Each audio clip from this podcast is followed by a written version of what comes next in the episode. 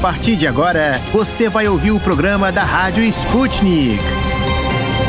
Oi, queridos ouvintes, eu sou a Francine Augusto e hoje estou na companhia da querida Luísa Ramos. Oi, Lu. Olá, Francine, isso mesmo. Será um prazer estar com você e com os nossos ouvintes da Rádio Sputnik. Vamos juntas levar muita informação nesta quarta-feira, 2 de fevereiro. No nosso giro de notícias, destacamos o primeiro dia de trabalho do ano legislativo. Isso mesmo. Após 40 dias de intervalo, o Congresso Nacional retomou a agenda. Entre as discussões previstas para este ano está o aumento da inflação, causada em parte pela alta no preço dos combustíveis. No final do ano passado, o presidente do Senado, Rodrigo Pacheco, anunciou que entre as prioridades do novo ano legislativo estaria a PEC da da reforma tributária. Pois é, Fran, mas isso é considerado pelos senadores como algo mais distante em um ano eleitoral. Bom, ainda falando sobre eleições, ontem o presidente do Tribunal Superior Eleitoral, ministro Luiz Roberto Barroso, declarou que o presidente Jair Bolsonaro facilitou que o processo eleitoral no país fosse exposto a ataques de hackers.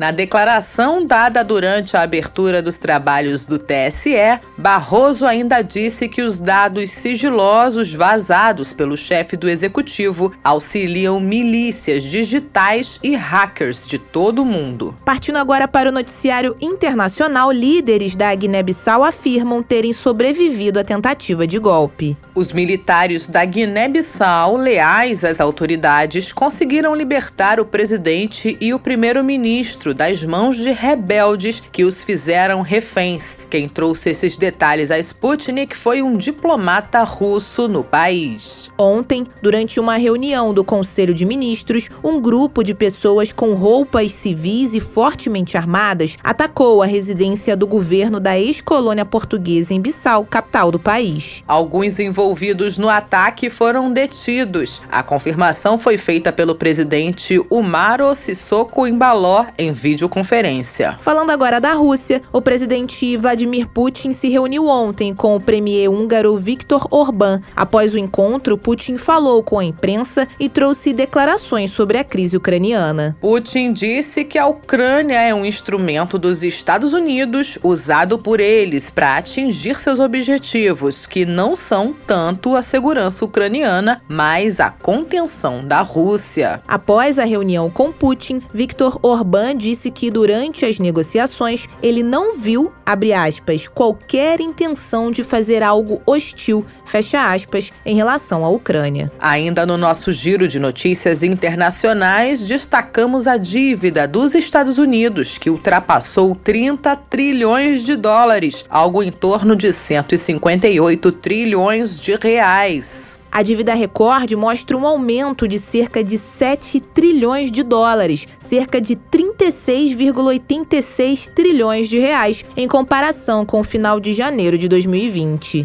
Especialistas financeiros acreditam que o novo máximo foi atingido anos antes do que as autoridades previam em resultado dos gastos com a pandemia. Vamos agora ver o que mais a gente preparou para vocês no nosso programa de hoje? E no programa de hoje.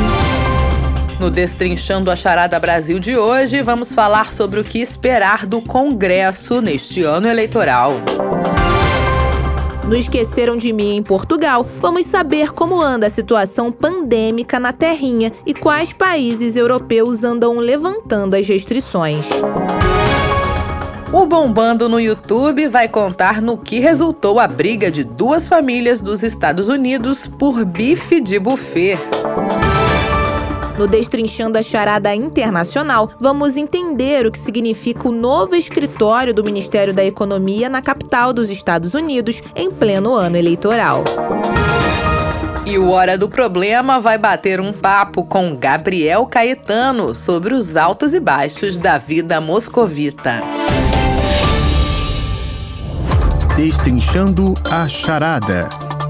De dentro e fora do Brasil política, economia, sociedade e tudo que engloba o maior país da América Latina. As charadas mais complicadas do Brasil são destrinchadas aqui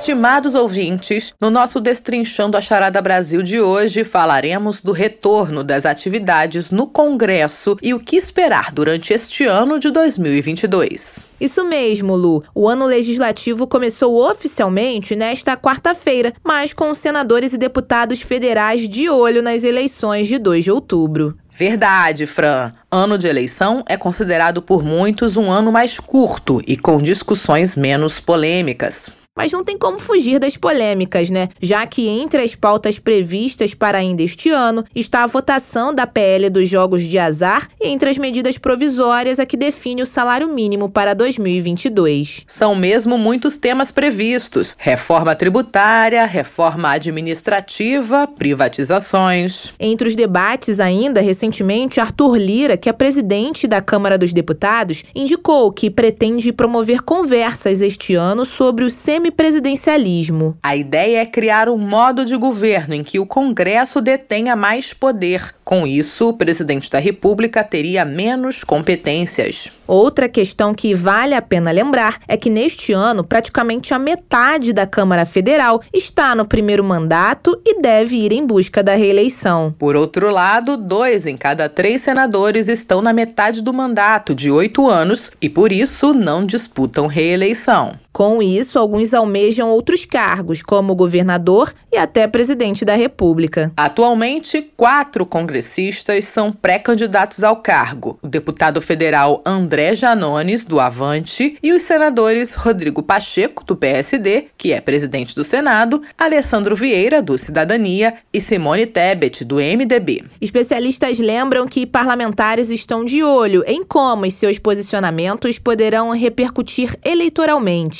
Para falar mais sobre isso, a gente convida agora a Carolina Botelho. Ela é cientista política e pesquisadora da Universidade Presbiteriana Mackenzie. Oi, Carolina, muito obrigada por aceitar o convite e conversar com a Rádio Sputnik. Bom, Carolina, o que temos como expectativas no Congresso para este ano de 2022? O que a gente pode esperar no Congresso no ano eleitoral? Primeiro, a gente tem que saber que parte do Congresso vai estar empenhada numa reeleição do presidente.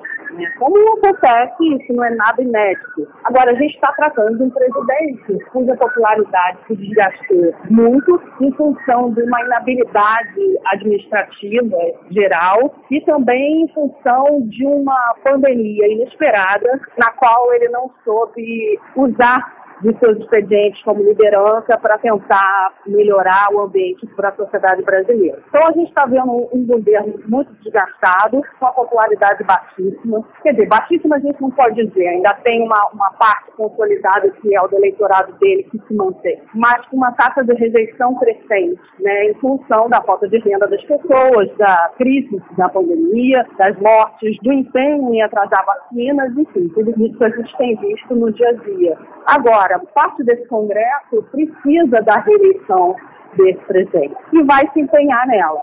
Uma outra parte, que tem aumentado nos últimos anos, vai tentar barrar as vendas presidenciais. Em geral, em anos eleitorais, o Congresso brasileiro não chega a fazer votações muito impopulares, né? Os deputados e senadores estão de olho nas eleições, nas suas próprias eleições e nos resultados dos suas bases eleitorais. Então, nada de polêmicos, né, que possam criar um alto custo de reeleição deles ou de, de eleição de eventuais apoiados. O Congresso vai tentar se manter numa linha de trabalho que seja, digamos assim, aceitável do ponto de vista eleitoral e as votações vão ser nessa lógica de então, eles estão muito preocupados com as suas bases eleitorais e toda atividade do Congresso vai ser pensando nessa circunstância eleitoral e nesses seus possíveis eleitores, potenciais eleitores. A lista de discussões previstas para este ano é bem longa e com questões que podem mudar e muito a vida da população. Podemos dizer então que temas importantes não vão de fato sair do papel? Tradicionalmente, como eu falei, você tem um Congresso em ano eleitoral que não vai querer fazer muito barulho, criar resistências em bases, né? Então, assim, toda votação cuja o custo fique alto para sua eleição ou para reeleição, eles não vão se meter. Então, costuma ser um ano muito voltado com o olho no cenário eleitoral. Acontece que a gente tem vivido um tipo de presidência que tenta, de alguma forma, ela se preocupa muito com uma parte do seu eleitorado, cujas pautas são bastante impopulares, mas que populares entre o resto da sociedade. Entre eles é bem-vinda e eu acredito que o presidente vai usar esse tipo de moeda com esse grupo. Isso não quer dizer que vai haver empenho por parte dele ou das lideranças do presidente para fazer avançar as pautas do Congresso. Então, por um lado, você, a gente deve ver uma série de falas das lideranças apoiadoras do presidente e do presidente em prol de uma agenda que ele gosta de firmar desde as suas eleições. Uma agenda mais conservadora, de valores morais, ou então que entra outras questões que ele tem defendido ao longo da trajetória política dele, mas isso não quer dizer que esse presidente vai colocar a sua tropa no Congresso para trabalhar e fazer valer, fazer essas votações acontecerem. É muito mais uma coisa de marketing político do que propriamente uma agenda, uma política pública, uma agenda pública de uma presidência um projeto de sociedade, de país. Então, assim, isso eu vejo não só por o que a gente vê nos jornais, na imprensa, das notícias que a gente acompanha, mas propriamente nas votações do Congresso, que por mais que eles coloquem em pauta projetos muito adequados, muito alinhados com a pauta moralizadora e conservadora deles, esses projetos não vão para frente, tá? Eles não andam, é como se eles em algum momento ficassem nas gavetas e não tem empenho nenhum de trabalho. Então é muito mais falar do que propriamente executar. Já que você falou do presidente Jair Bolsonaro, Carolina, ele seria um dos maiores interessados com o direcionamento de votações deste ano. Neste caso, temas importantes podem ir adiante no Congresso? Essas pautas elas só vão para frente se não puderem custos para a sociedade ou para esses postos é, políticos que vão tentar a reeleição. Se começar a incomodar e atrapalhar, eles não vão para frente, não vão brigar por isso, tá? No ano eleitoral. Por outro lado, vai ter uma atividade, uma, um incentivo por parte do governo das lideranças de manter uma construção assim de comunicação de que estiver trabalhando em prol dessa agenda conservadora com a se elegeu em 2018. Então, eu acho que vai ter muito mais barulho do que na prática vai ter algum tipo de realização nesse sentido. Se for bom para a popularidade, do ponto de vista eleitoral, eles tendem a se empenhar mais, mas a gente também está tratando de governo que não se empenha em geral nada, né? É mais uma questão de discurso do que propriamente de execução, né? De trabalho, de comprometimento. A respeito do eleitor, o andamento do Congresso pode contar como uma boa observação dos candidatos para as eleições deste ano? Tem um fator aí que é fundamental, que é a entrada das redes sociais no ambiente da discussão política. E é inédito desde 2018 que cresceu bastante, de forma até pelo empenho, trabalho do atual governo. Eu digo isso assim, de forma positiva e negativa. À medida que essas informações, esse campo de disputa política passa pelas redes sociais, primeiro ela vai para vários canais e ela também ela é vocalizada por determinadas lideranças desses, desses canais que passam a usar de uma certa instrumento de política para falar com pessoas que seguem. E vai chegando em grupos que a gente supostamente achava que não tinha interesse. Por outro lado, a gente vive em 2013 um cenário bem conturbado do ponto de vista do dia a dia político no Brasil. E é natural que as pessoas se interessem e se preocupem. Além disso, a gente vive crises econômicas, hoje sanitárias e outras mais, que colocam os grupos da população preocupados com o que vem no futuro do país. As expectativas ficam lá, assim, tentando ser respondidas. Então, assim, essa questão de você viver uma crise institucional em 2013 e outras crises junto, além da velocidade e da força que são as redes sociais, vai chegar em todo mundo. E acaba que a gente tem talvez até uma falsa impressão de que há um interesse maior. Mas é que a gente tem visto mais pessoas falando, mais gente conversando e mais gente se informando sobre algo que poderia estar ficando restrito a determinados segmentos da população, que hoje está chegando todo mundo. A gente viu uma popularidade deteriorar, mas ao mesmo tempo a gente não pode esquecer que ele tem uma base consolidada que beira muitas pesquisas a 25%. O que aconteceu de inédito de 2018 para cá é que o resto do grupo de eleitores, fora esses 25%, ele parece se unir na que não tem jeito não tem como votar no Bolsonaro mais. Então esse candidato ficou completamente isolado.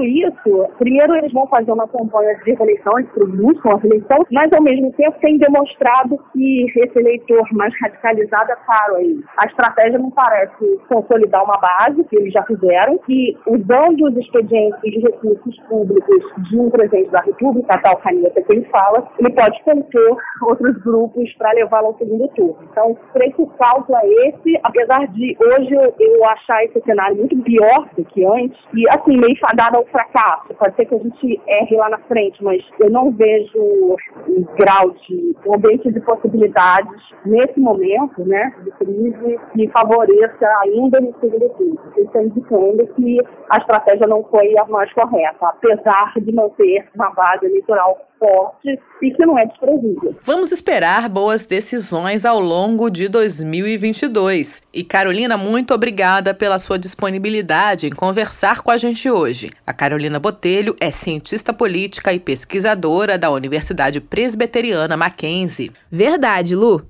A gente conversou com a cientista política e pesquisadora da Universidade Presbiteriana Mackenzie. O nosso quadro Destrinchando a Charada Brasil de hoje fica por aqui. Até logo!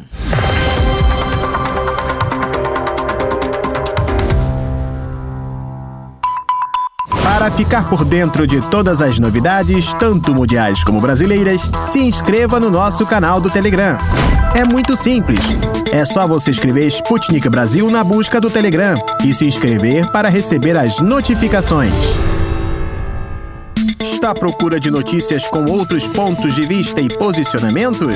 Curta nossa página no Facebook. É só digitar Sputnik Brasil na busca do Facebook e deixar sua curtida. Esqueceram de mim em Portugal. Senhoras e senhores passageiros, apertem os cintos de segurança porque estamos prestes a decolar rumo a Portugal. A tripulação Sputnik Brasil deseja a todos uma ótima viagem. Bom, queridos ouvintes, estamos hoje aqui com a própria Luísa Ramos no comando do programa comigo, então não precisamos viajar para muito longe para as notícias de Portugal e Europa. Isso aí, Francine. E já tem um tempinho que nós não atualizamos as notícias da pandemia por aqui. Então, vamos a isto, como se diz em Portugal. Segundo o matemático Oscar Felgueiras, que tem colaborado com o governo do país ao longo da pandemia, Portugal já teria ultrapassado a pior fase da quinta onda da Covid-19 com a nova variante Ômicron. O matemático disse em entrevista à Rádio Renascença que acredita que agora a descida de casos será relativamente relativamente rápida. O especialista considera que o maior número de casos foi registrado no dia 25 de janeiro e que agora, oito dias depois, a redução de casos será mais perceptível ao longo desta semana. Oscar Felgueiras adiantou também que pode haver uma perturbação dos números devido ao fim de semana de eleições no país. Verdade. No domingo, Portugal reelegeu o Partido Socialista, que já estava estava no poder. O PS acabou vencendo numa inesperada maioria absoluta nas eleições gerais pela segunda vez em sua história. A eleição foi convocada ainda em 2021, quando o primeiro-ministro Antônio Costa não conseguiu aprovar o orçamento de 2022. Bem lembrado, Francine, e muito em breve teremos entrevista com especialistas sobre as perspectivas do novo orçamento pós-eleições aqui no programa. Certo, mas enquanto isso, continuamos as atualizações da Covid-19. Vamos falar agora do bloco europeu, Luísa? Temos novidades em outros países nesta quarta-feira, dia 2? Temos sim, Francine. Hoje mesmo, o governo francês anunciou o fim de algumas restrições contra a pandemia, para a alegria de alguns e tristeza de outros. O home office obrigatório acaba a partir de hoje na França. No entanto, muitas empresas adotaram o esquema híbrido, o que ajuda quem gosta da tranquilidade de trabalhar de casa. Outra medida que causou polêmicas foi o fim da exigência da lotação limitada em espaços fechados. O primeiro-ministro francês, Jean Castex, admitiu que a França atravessa uma, entre aspas, fase difícil por conta do alto número de infectados, batendo recordes de contaminações com milhares de turmas sem aulas devido às contaminações no país, mas defendeu que as características da variante Ômicron, menos severa, fazem com que seja possível acabar já com algumas restrições adotadas no fim de dezembro do ano passado. Sim, realmente no Brasil está bem parecido. Muitos infectados, mas a maioria em casa, com sintomas leves, sem sobrecarregar os hospitais. E teve mais alguma medida removida aí na França, onde você está no momento, Luísa? Pois é, Fran, por aqui deixou de ser obrigatório utilizar a máscara no exterior. A medida já havia sido adotada em 2021, mas depois voltou a ser exigida. No entanto, as pessoas já não estavam adotando a máscara nas ruas na prática. Por isso, a regra também caiu. E em breve, no dia 16 de fevereiro, as discotecas francesas vão voltar com tudo e será novamente possível consumir de pé nos bares. Lembrando que na semana passada passada foi aprovado o novo passe sanitário, que na prática torna a vacinação obrigatória para todas as pessoas com mais de 16 anos que queiram frequentar espaços públicos. E tem mais outro país da União Europeia nesta onda da suspensão de restrições, certo? Bem lembrado, Fran. A Dinamarca, desde esta terça-feira, dia 1, se tornou o primeiro país do bloco a suspender totalmente as restrições sanitárias. A decisão do governo dinamarquês foi baseada no elevado percentual de vacinados no país e considerando também a menor gravidade da Omicron. Tudo liberado na Dinamarca, Fran. E a gente por aqui segue acompanhando tudo, pois com relação à pandemia, ao que parece, o que acontece na Europa logo a seguir pode vir a acontecer no Brasil. Obrigada, Lu, pela super atualização da pandemia em Portugal e outros países europeus.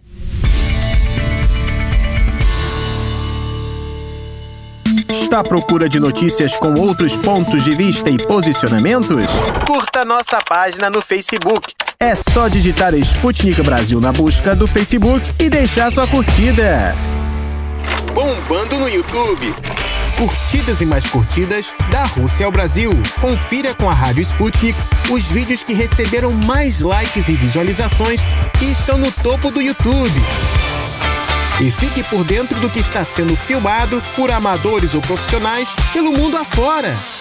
Oba! Chegou a hora de ficar por dentro dos cinco vídeos mais curtidos e visualizados no YouTube, estimados ouvintes. E quem vai contar as novidades do YouTube é o Tito da Silva, da redação da Sputnik Brasil em Moscou. Oi, Tito! Olá, queridos amigos da Rádio Sputnik. Eu sou Tito da Silva e estes são os vídeos que estão bombando no YouTube nesta quarta-feira, 2 de fevereiro. No primeiro vídeo da lista, uma confusão tomou conta de um restaurante nos Estados Unidos e tudo por causa de bife. Duas famílias comemoravam festas separadas em um restaurante da Pensilvânia, mas compartilhando o mesmo buffet. O problema começou quando o bife do buffet acabou e uma das famílias acusou a outra de furar fila e se aproveitar dos últimos pedaços de carne. Iniciou-se uma discussão que, em pouco tempo, acabou se tornando em uma pancadaria, da qual participaram 40 pessoas, segundo a polícia. Para saber mais sobre o caso um pouco que incomum, é só assistir ao vídeo digitando no YouTube. Cadê minha carne? Famílias travam pancadaria após bife acabar em restaurante na Pensilvânia. E no segundo vídeo de hoje,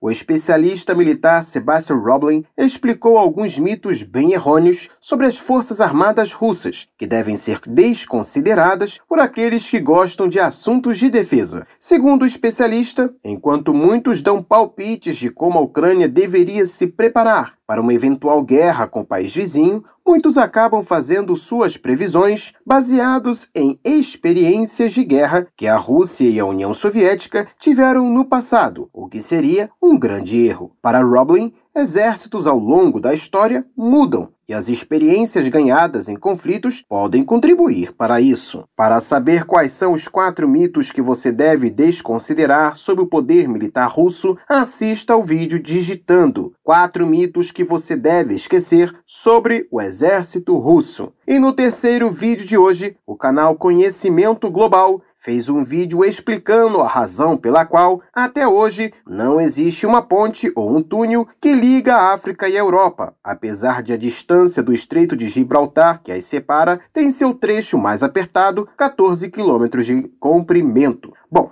as tentativas de se construir uma ponte ou um canal no local não foram poucas. As vantagens de um caminho rodoviário ligando os continentes seriam muitas de ordem econômica. Contudo, alguns impedimentos naturais atrapalham a realização de um projeto de túnel e de ponte no local. É só ir ao canal Conhecimento Global e conferir o vídeo. No quarto vídeo de hoje, o conteúdo é para os amantes de assuntos militares. O canal Sala de Guerra listou as superarmas da Alemanha durante a Segunda Guerra Mundial. Entre elas, se destaca o canhão de mais grosso calibre que a humanidade já viu, o supercanhão alemão Schwerer Gustav. O armamento foi projetado para operar em cima de trilhos e foi criado inicialmente para derrotar e furar as defesas francesas durante a Segunda Guerra Mundial e que pudesse perfurar espessas paredes de concreto. O projeto agradou a Hitler e logo de início três unidades foram encomendadas. E no quinto vídeo de hoje, o canal Fatos Desconhecidos explicou a razão por que não seria uma boa ideia para muitos aviões voarem pelo Polo Sul, enquanto outros voam com maior frequência pelo Polo Norte. Além de questões econômicas, existem muitas questões naturais que tornam o voo pela região ainda mais complicado. E por hoje é tudo, pessoal. Até mais. Bom, pessoal, Tito da Silva comentou a briga de duas famílias dos Estados Unidos pelo bife de um buffet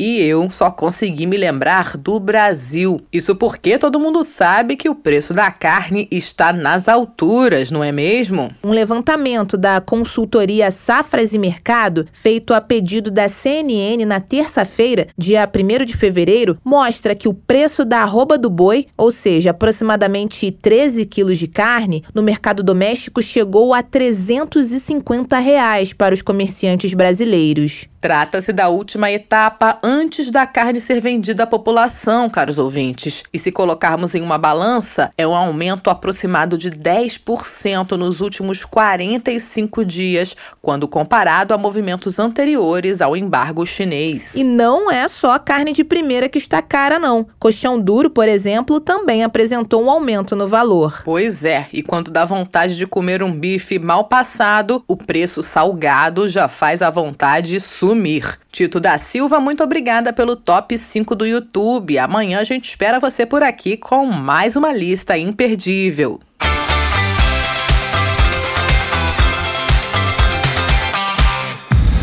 Não se esqueça de ler, curtir e comentar nossas matérias no site br.sputniknews.com. Destrinchando a charada. Encruzilhada Internacional relações políticas, socioeconômicas e muito mais entre as nações deste mundão. Da Rússia aos Estados Unidos. Encontre com a gente as respostas às perguntas do momento. Bom, queridos ouvintes, hoje no Destrinchando a Charada Internacional vamos saber sobre o novo escritório do governo brasileiro nos Estados Unidos. O Ministério da Economia passará a contar com representação em Washington, capital do país. Isso mesmo, a criação do órgão foi publicada na edição da última quinta-feira, dia 27 de janeiro, do Diário Oficial da União, em um decreto assinado pelo presidente Jair Bolsonaro. O escritório é diretamente associado à embaixada do Brasil. Segundo o Super Ministério da Economia, o objetivo do novo escritório é promover oportunidades de negócios que gerem emprego e renda ao Brasil e consolidar a imagem do país como propício para se fazer negócios. Será que o escritório vai conseguir mostrar aos investidores estrangeiros que é seguro apostar no Brasil como ambiente de responsabilidade nas dimensões ambiental, social e de governança? Isso ainda não sabemos. O que se sabe é que a nova representação é um pouco polêmica, por parecer ter a intenção de driblar o Itamaraty. O escritório vai contar com um chefe e um assessor, ambos indicados pelo atual ministro da Economia Paulo Guedes, em acordo com o Ministério das Relações Exteriores e Bolsonaro. A nova equipe será subordinada administrativamente ao embaixador e vai responder tecnicamente ao Ministério da Economia. Por isso, nós aqui na Sputnik queremos saber mais sobre como essa dinâmica vai se desenvolver. E é exatamente por isso que convocamos o especialista em política externa dos Estados Unidos, Pedro Costa Júnior, cientista político, professor de Relações Internacionais da FACAMP, Faculdade de Campinas, e autor do livro Colapso ou Mito do Colapso. Muito obrigada pela sua presença hoje no nosso programa, professor. Bom, vamos ao que interessa, professor. Explique, por favor, o que significa diplomaticamente a criação deste escritório do Ministério da Economia na Embaixada do Brasil em Washington. Por que, que é uma medida polêmica e se já existe algo parecido entre os governos? Bom, em primeiro lugar, esse escritório ele é uma iniciativa do Ministério da Economia, né, o Super Ministério da Economia, que agregou aí desde o seu início diversos ministérios. Né, ele sucumbiu o antigo Ministério da Fazenda e foi agregando, enfim, desde o Ministério do Trabalho ao Ministério do Planejamento e, e outros ministérios, tornou um super ministério. Deu inicialmente o caráter para o ministro Paulo Guedes de super-ministro, oferiu esse caráter a ele. É uma tentativa do Ministério da Fazenda, né, o Ministério da Economia, o ex-Ministério da Fazenda, de, de certa maneira, driblar o Itamaraty e negociar diretamente, ter relações diretas com outro país, né? nesse caso os Estados Unidos. Se tornou muito comum a partir dos anos 90, com a chamada onda de globalização, né? que medidas dessa natureza, mais, digamos, pulverizada e muitas ligadas até à paradiplomacia, ligadas a entidades não governamentais, enfim. Esse tipo de organizações de interesse, né, de setores privados ou de setores públicos que não tivessem ligadas diretamente ao Itamaraty ou ligadas ao governo federal, começassem a ser construídas, desenvolvessem relações diretas com os outros países. A pandemia, ela, digamos, incentivou isso de uma maneira muito forte, né? Essa diplomacia, digamos, mais descentralizada. Nós tivemos aí, por exemplo, a questão da vacina ser negociada direto, não sem passar pelo Brasília, pelo Itamaraty, pelo Ministério das Relações Exteriores. Né? O governo de São Paulo fez isso, o consórcio do Nordeste fez isso com relação à vacina. Então é uma medida, de certa maneira, que pode levantar uma polêmica, porque o Itamaraty né, nos seus bastidores, não gostou. É uma medida que, digamos, ela causa estranheza à diplomacia mais tradicional. Agora há uma série de questões a ser levantadas a partir daí, né? O Ministério da Economia, e acho que isso tem que ser tratado, porque agora, no último ano do governo Bolsonaro, né? Pode ser que ele não seja reeleito, né? Quais os nomes vão estar envolvidos? Por que os Estados Unidos e não outro país? Então, são questões que vão se desdobrando a partir dessa medida, né? Acrescento que a questão levantada pelo Pedro Costa Júnior é bastante relevante, visto que no decreto que cria este escritório, afirma-se que a missão terá duração de dois anos, podendo ser prorrogada por mais dois. Certo, mas, professor Pedro, oficialmente o escritório diz que tem o projeto de promover oportunidades de negócios que gerem emprego e renda no Brasil. O que exatamente este escritório vai fazer e como o senhor analisa o decreto em si? O que esse escritório realmente fará? Vamos deixar claro que o governo Bolsonaro, nesses quase quatro anos de governo que ele vai chegando esse ano agora, ele deixou muito claro que não preza muito transparência. A partir daí fica difícil prever qualquer coisa ou qualquer iniciativa a partir do super-ministro Paulo Guedes. A ideia, teoricamente, do governo, essa iniciativa do governo, esse escritório, ele pode trazer, ou ele trará investimentos. Né? De qualquer maneira, ele começa muito mal. Então, nós temos não só em nível de política interna, mas em nível de política externa também, a fake news como um método, um meio, um modus operandi da maquinaria Bolsonaro e do Ministério da Economia, que é parte integrante dos métodos de ação desse governo funcionar, de forma que você pegar o documento oficial de justificativa da abertura desse escritório, parece que o Brasil está entre os três países com o melhor índice na OCDE. Ele diz que o Brasil passa por um combate à corrupção brutal, uma redução à burocratização do Estado, um aumento do investimento direto, quer dizer, uma retomada do crescimento econômico sólida e consistente. Quer dizer, isso tudo consta no documento. É pautado numa realidade paralela, né, que pautou todo o bolsonarismo, inclusive na sua política externa, sobretudo né, nas declarações do ministro da Economia e no modus operandi do Ministério, ex-Ministério da Fazenda, né, hoje Ministério da Economia. A partir daí, né, fica difícil dizer o que exatamente esse escritório fará e, sobretudo, se ele realmente estará à altura ou capaz de trazer qualquer tipo de investimento para o país. O novo escritório será subordinado administrativamente à embaixada, mas tecnicamente ao Ministério da Economia. O que, que essa estrutura significa? Ela é eficaz, Pedro? Teoricamente, ele é subordinado à embaixada e não é. É uma jabuticaba brasileira, né? uma espécie de geringonça aí. Né? Porque ele vai ter funcionários da embaixada lá, mas ele vai responder direto para o Paulo Guedes, ele vai responder direto para o Ministério da Economia, mas passando por satisfações para o Ministério das Relações Exteriores. Com relação à eficácia desse gabinete, tendo em vista perspectiva de crescimento do PIB do Brasil esse ano, vai ser próxima a zero, né? segundo o Fundo Monetário Internacional, segundo a CEPAL, os principais os índices de projeção de crescimento mais sólidos, mais sérios. Né? considerando que é um ano eleitoral, considerando né, a falta de credibilidade internacional nesse Ministério da Fazenda, na própria figura do Guedes e na figura presidencial, dificilmente ele, ele vai ter sucesso em atrair, em ser eficaz na atração de investimentos. Certo, professor. Pegando no ponto das eleições em outubro que o senhor mencionou, tem como prever a ação dos investidores neste campo? Com eleições tão próximas, pode haver algum receio em apostar em projetos de longo prazo no Brasil? Me parece que os investidores vão aguardar para esperar até outubro, né, para ver como é que vão se desenhar as eleições no Brasil, para poder saber o que esperar para os próximos quatro anos,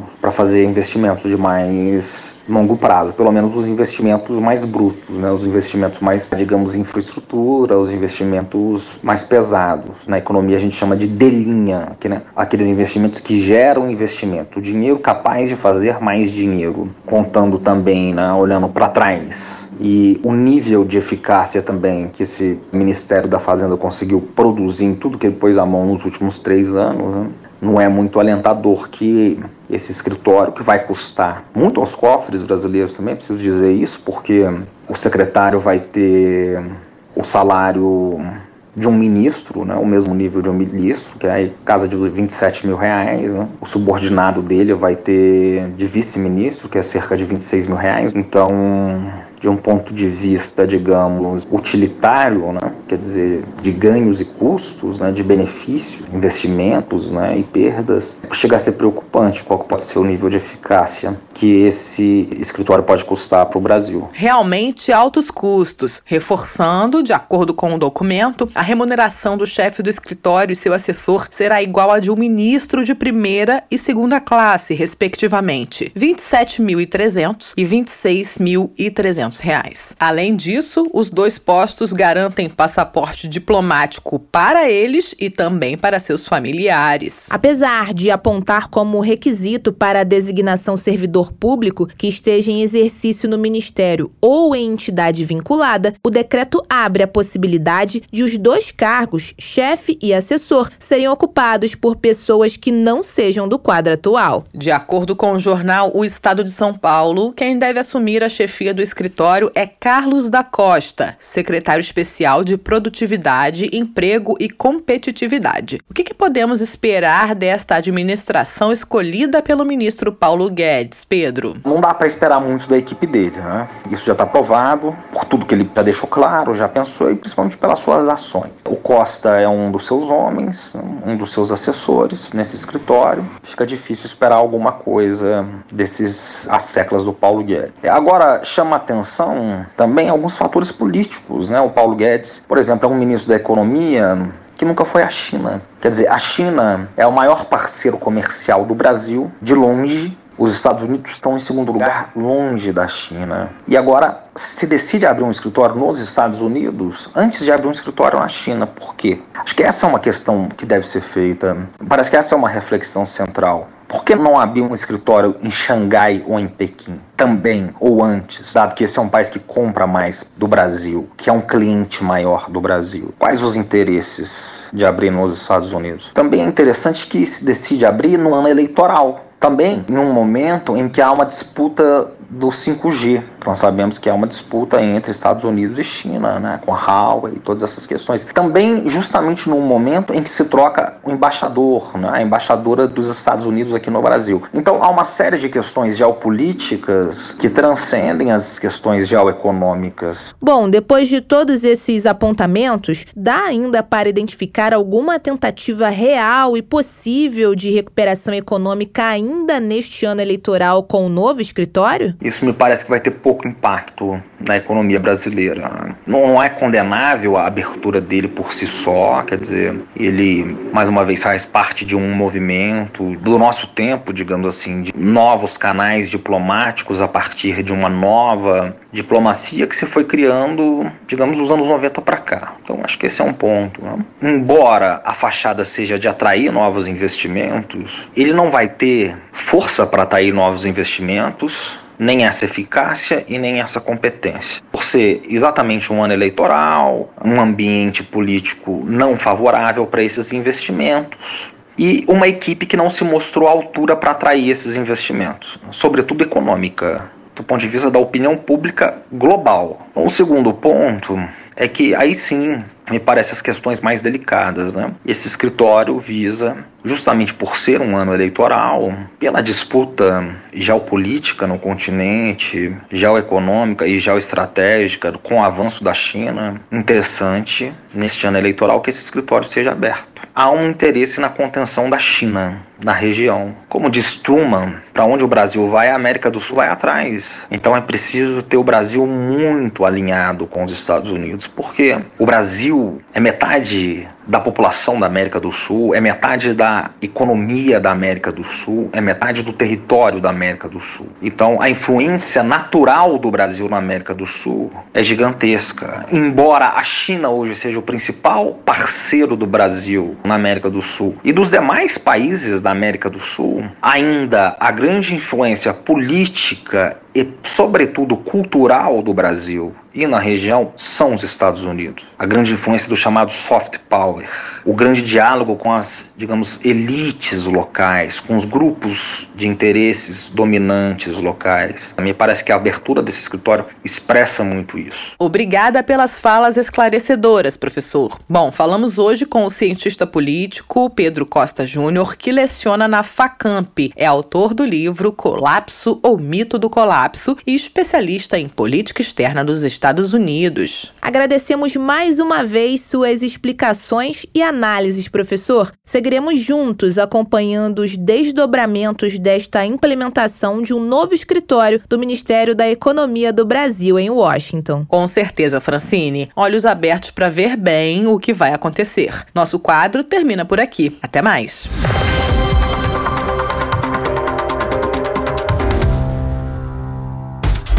Hora do problema.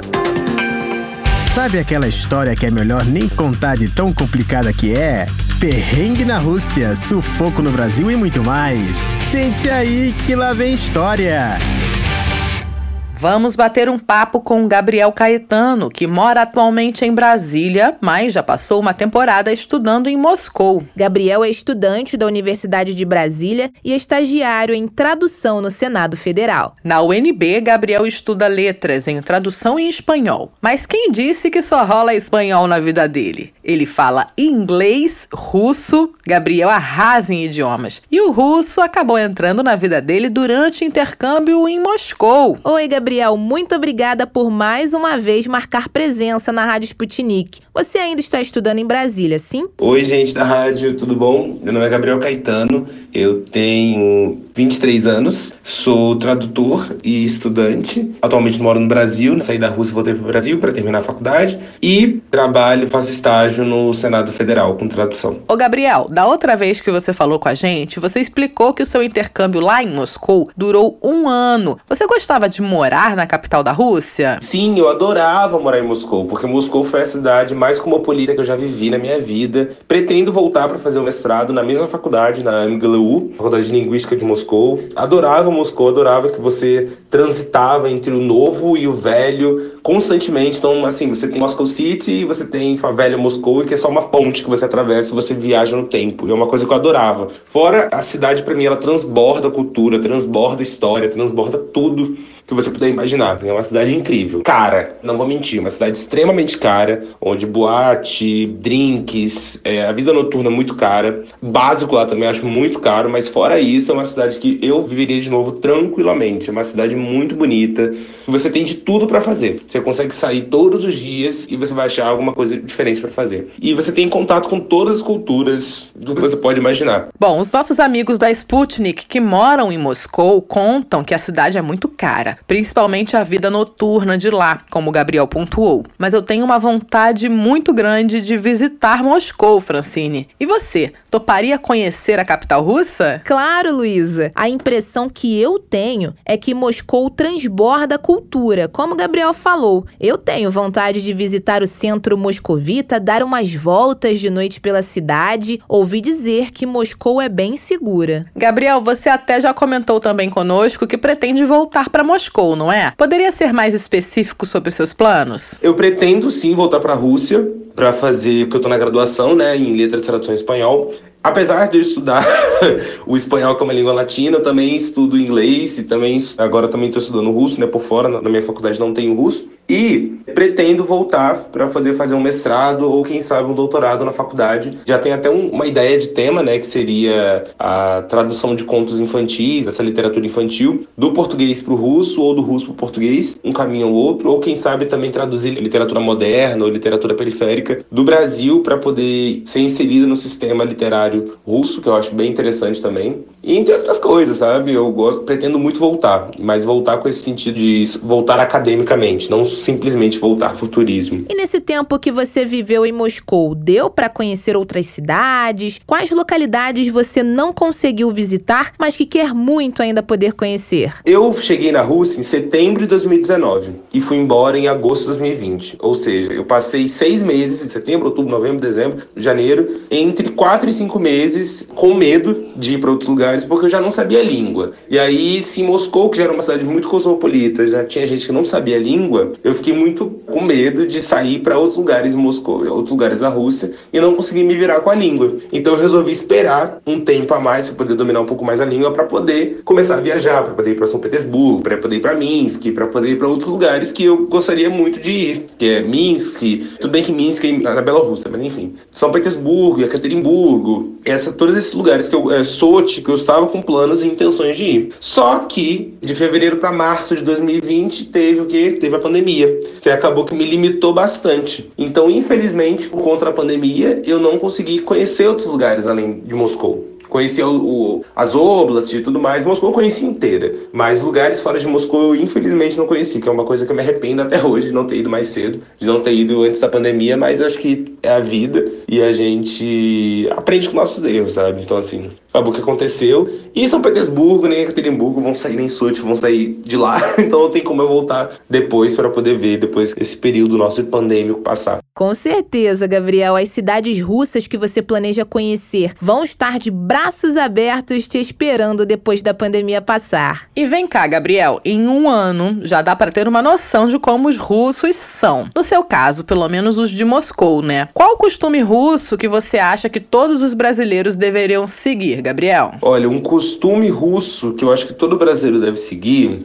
essa é difícil, viu? Porque tem muitas coisas da Rússia que eu não gosto, costumes deles que eu não gosto. A boa educação no metrô. Porque isso, para mim, os russos eles tiram de letra. Nossa, com certeza a gente, como brasileiro, deveria aprender mais isso. Então, você tá na escada do metrô, na escada rolante do metrô, esquerda livre. Se você tá no metrô e você chegou, você tá esperando o metrô e chega o metrô e aí a porta abre, você dá espaço pra pessoa estar no metrô sair do metrô. Não tentar entrar ao mesmo tempo que a pessoa tá tentando sair, sabe? Então, acho que esse seria um outro costume que eu gostaria muito que os brasileiros aprendessem. De acordo com estatística, o metrô de Moscou recebeu em 2019 mais de 2 bilhões e meio de passageiros. Então, se organizar direitinho, todo mundo anda de metrô sem empurrar ninguém. Pablo até contou para mim que o metrô moscovita é muito organizado e que os vagões não demoram quase nada para chegar, diferentemente dos metrôs de algumas capitais europeias. Agora o contrário, Gabriel um costume brasileiro que todo russo deveria seguir? Conta aí. Agora, um costume que eu acho que os russos deveriam aprender com a gente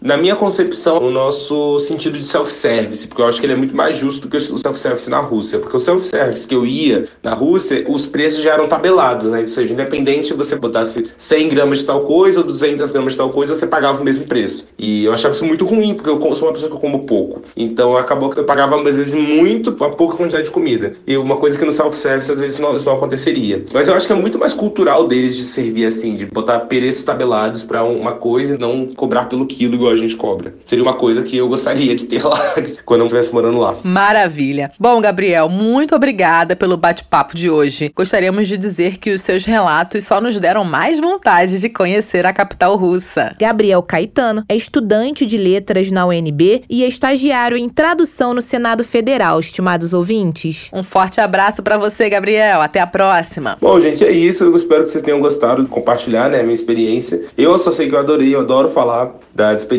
compartilhar experiências com, com outras pessoas que também moraram na Rússia, que passaram por que eu passei, ou que têm uma ideia do que eu passei, e disseminar conhecimento, sabe? Porque eu acho que tem muito ideias erradas ainda sobre a Rússia, que não é esse bicho de sete cabeças, é só um bicho com três cabeças, bem tranquilo, para poder se domar. Mas fora isso, eu tenho que agradecer a todo mundo, toda a Rádio Sputnik que me convidou, e só isso, gente. Muito obrigado. Tchau.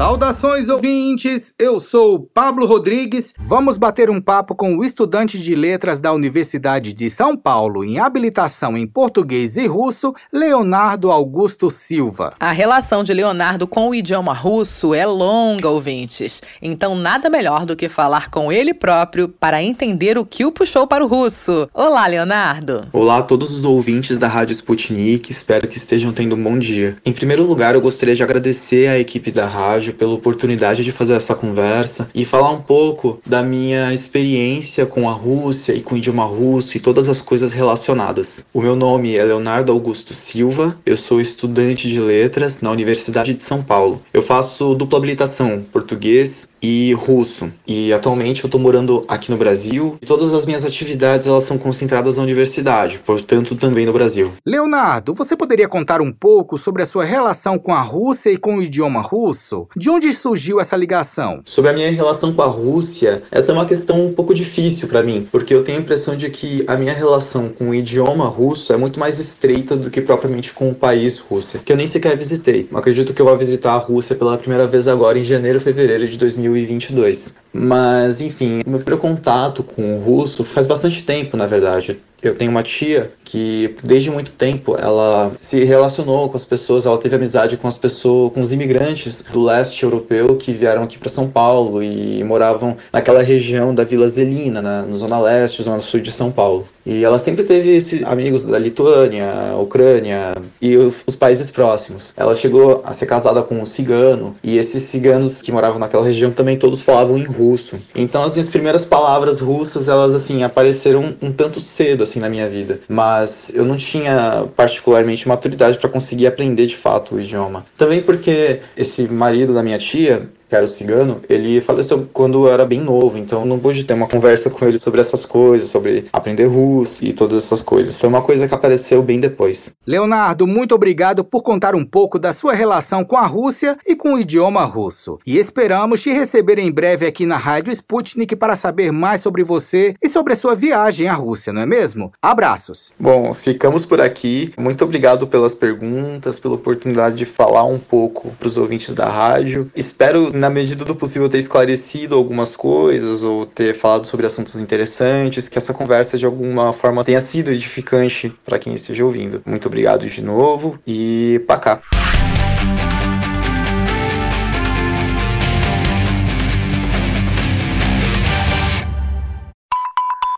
Para ficar por dentro de todas as novidades, tanto mundiais como brasileiras, se inscreva no nosso canal do Telegram.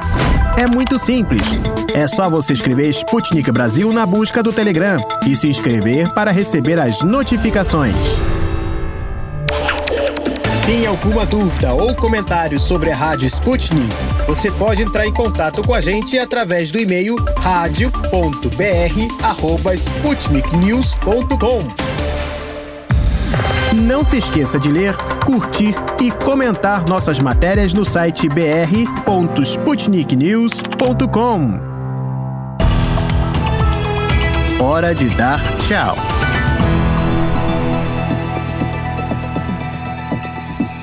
O programa desta quarta-feira, dia 2 de fevereiro, está chegando ao fim, estimados ouvintes. Francine Augusto, foi um prazer comandar a programação com você e gostaria de desejar as melhoras ao nosso colega Pablo Rodrigues, que em breve estará de volta aqui na apresentação. Luiz, o prazer foi todo meu. Pablo, melhoras. Eu até falei para ele tomar muita água e esse conselho vai também para todos vocês, ouvintes. Quem quiser continuar ligadinho na gente, basta dar uma passada no site da Sputnik Brasil, br.sputniknews.com e conferir as notícias do momento. E no canal da Sputnik Brasil no YouTube. Lá tem vídeos engraçados, informativos e atuais do que está sendo discutido tanto no Brasil como no resto do mundo. E se vocês gostam de música erudita brasileira, o canal do Zenon, Instituto Cultural no YouTube, está repleto de raridades. Por exemplo, na semana passada, anunciamos a obra Kunkt Serenata do compositor baiano Paulo Costa Lima. Que tal ouvirmos um trechinho dessa obra, ouvintes?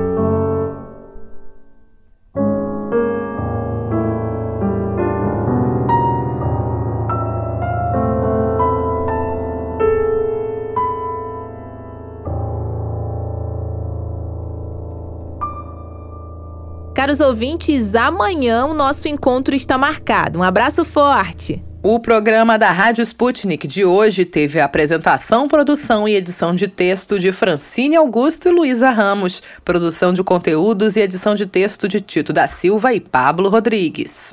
A edição e a montagem do programa são de Wellington Vieira e David Costa. A produção geral no Rio de Janeiro é de Everton Maia. E o editor-chefe da redação da Sputnik Brasil no Rio de Janeiro é Renan Lúcio. E em Moscou, Konstantin Kuznetsov. Você acabou de ouvir mais um programa da Rádio Sputnik.